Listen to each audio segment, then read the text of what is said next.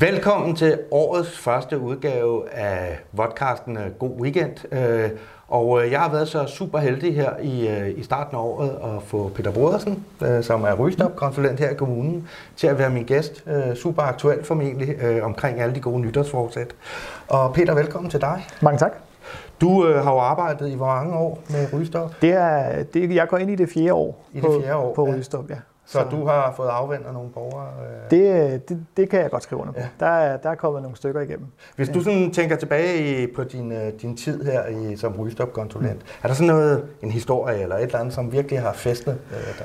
Ja, men altså, det, det er jo det, der er det lidt sjove med rygestop. Der er, altså, alle rygestop er gode historier. Det er sådan, når, når der er en, der stopper med at ryge, er det bare fantastisk. Der er ikke, sådan nogen, der er ikke særlig mange øh, negative ting ved at stoppe med at ryge. Men altså, der er jo, der er jo de forløb, hvor teknikken og tilgangen bare kører fuldstændig af, hvor øh, vi planlægger det, det sker, og der er ikke nogen tilbagefald. Det er jo nogle gode historier i sig selv. Men der er jo også, øh, der er også de lidt specielle øh, situationer. Vi møder jo mange mennesker, mange forskellige slags mennesker.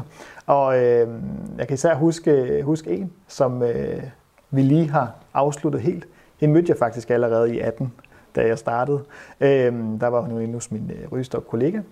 Og øh, det var et kompliceret forløb. Åh, det var svært. Op og ned, op og ned hele tiden. Hun har stoppet og faldt i. Og stoppede at falde i og sagde, nu skal vi holde en pause. Nu kan jeg ikke overskue det mere. Og så et halvt år efter kom hun igen og sagde, nu er jeg så blevet, nu er jeg klar. Nu er jeg klar. Og de her, lige med hende, der er det det der med, motivationen var der hele tiden. Men så var der noget, der gjorde nogle udfordringer. Hun en, der var tilknyttet psykiatrien, og så der var en masse forskellige udfordringer. Men hun holdt ved. Hun var ved i motivationen, og med hende, der blev hun klogere og klogere hver gang. Hun lærte noget hver gang, hun faldt i, og lærte, okay, så skal jeg i hvert fald ikke gøre sådan. Så skal jeg i hvert fald ikke tage hen til den fest, hvor man ved, at, øh, at det er sjovest øh, ude i køkkenet, hvor man, hvor man gerne må ryge. Øh, så hun vidste, at det, det måske ikke lige var øh, midt i julen, man skulle stoppe, fordi der er en masse traditioner og en masse ting der. Til sidst fik vi fik vi hende, som vi sagde, fik vi skovlen under hende. Og jeg har lige her før jul ringet til hende, og hun er røgfri 6 måneder nu. Og når man har været røgfri i 6 måneder, så er der meget mindre risiko for, at man, øh, at man falder i igen, fordi så er man helt ude af nikotinen og alt det her. Og det er sådan en, øh, det var en, og min kollega, øh, min kollega Heidi, vi, vi smiler hver gang, vi tænker på hende, fordi hold da op, hun har været meget igennem, og hun har lykkes med det.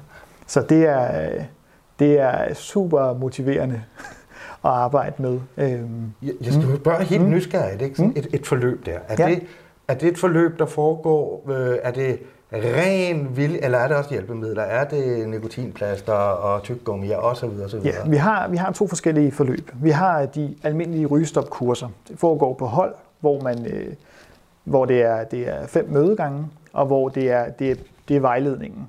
Der, vi vejleder også i, hvilke produkter man vil kunne bruge. Øh, men der, der er det ligesom holdet, der sammen forbereder sig, stopper og så håndterer det i efterforløbet. Så har vi øh, også øh, et, et tilbud, hvis, hvis man er uden for arbejdsmarkedet, for eksempel på flexjob eller førtidspension, eller hvis man har nogle kroniske sygdomme, der relaterer sig til rygning, for eksempel kold eller, eller hjertesygdom. De forløb, der kan vi gøre det lidt mere individuelt, og der må vi også øh, give tilskud til øh, rygstopprodukterne. Ja. Så der er sådan de, de, to, de to veje at gå. Øhm, og, og de kan se, altså, ja, de er spændende alle sammen, øhm, og på, på hver deres måde. Så. I har jo selvfølgelig, som du sagde, du har været her fire år. Mm. Øh, hvor, hvor mange cirka, du, jeg, jeg, jeg forstår ikke helt, helt præcis, mm. få det op. Hvor mange cirka har, har I haft igennem sådan et forløb, øh, siden du startede? Fald? Og altså siden, siden jeg startede, det, det det bliver nok lidt svært at regne, regne ja. frem til. Man kan i hvert fald sige, at det sidste år, som var et corona-år, som var sådan lidt, der, der vi, der vi regnet os frem til, det er cirka 70 stykker, ja. vi har haft igennem. Øh, enten, altså, sådan, altså øh, på hold øh, nok sådan 30 stykker, og sådan, og sådan 30-40 stykker af de, af de individuelle. Øh, så, så man kan sige, at vi, vi, vi rammer faktisk rimelig mange. Vi vil også gerne ramme mange flere, øh, fordi man kan se, at hver gang man prøver at stoppe, og hver gang man falder i, hvis man gør det, så bliver man faktisk bedre til at stoppe med at ryge. Så, så det er altså hver eneste gang, man, man, man gør et forsøg, og man så laver en eller anden fejl, man ikke var forberedt på, eller laver en fejl, eller men der sker et eller andet i livet, så lærer man at håndtere det til næste gang. så, så der vil vi rigtig gerne have så mange, så mange som muligt ind i, i vores forløb. Ikke? Ja, så, så, øhm, så, så hvis man fejler en gang, så, så, så skal man ikke være ked af Man skal bare sige, okay, fedt nok. Ja, jeg prøvede, ja, jeg prøvede, og så ved jeg næste gang, at jeg nok ikke lige skulle have taget til den fest på tredje dagen af mit rygestop, øh, fordi der, der var der lige 10 andre rygere der, for eksempel. nu, nu er vi nok ret uh, enige om, at, uh, at der er ikke super meget godt at sige om rygning som mm. sådan. Hvis du lige skulle sætte nogle ord på, hvorfor er det en god idé at, uh, at stoppe med at ryge?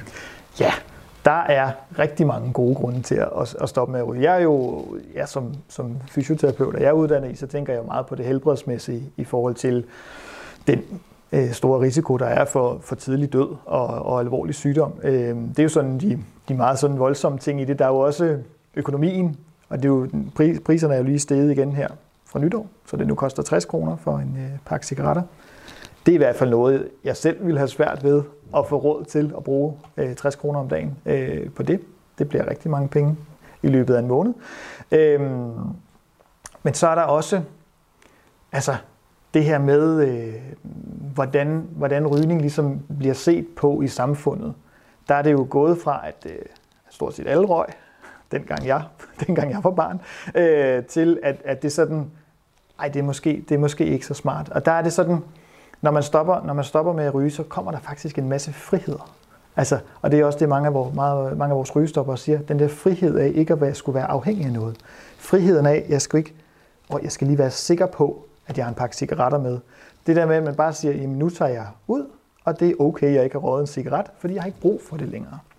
Øh, det er sådan en, det er noget, den der, det der med at bryde fri af afhængigheden. Det er virkelig noget, jeg hører, noget af det, som, som folk er helt vilde med, når det, når det endelig er overstået. Ja.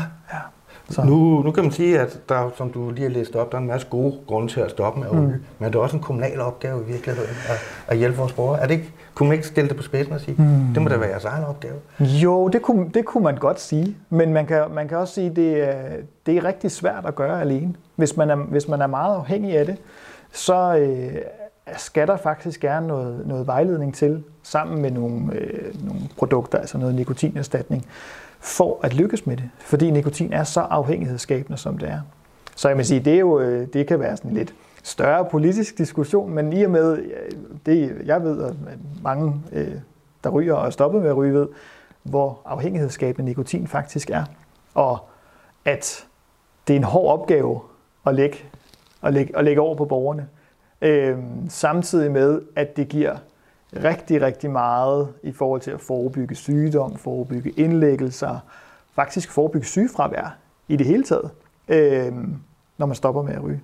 Øh, og så kommer der faktisk også nogle, øh, nogle studier, der sådan begynder at pible frem om, at rygning faktisk forværrer angstsymptomer, forværrer stresssymptomer, forværrer ADHD øh, og sådan nogle forskellige ting, også i de lidt tungere øh, diagnoser med skizofreni og sådan noget, at der faktisk begynder at komme noget forskning på, at rygning og også nikotinen stresser kroppen, faktisk gør de her psykiske sygdomme værre, øh, og at rygestop kan hjælpe i den forbindelse. Ja. Og når man kan se, hvor, meget, hvor, hvor, meget, øh, hvor mange, der, der døjer med, øh, og, altså lider under angst og stress og depression, så, så synes jeg, det ville være fantastisk, hvis et rygestop kunne hjælpe dem på, på rette vej. Også for samfundet ja. og kommunen. Så, øh, ja. Nu har vi jo her i kommunen nu i, i godt et år øh, haft, øh, haft et, øh, et rygeforbud hmm. faktisk i arbejdstiden. Ja.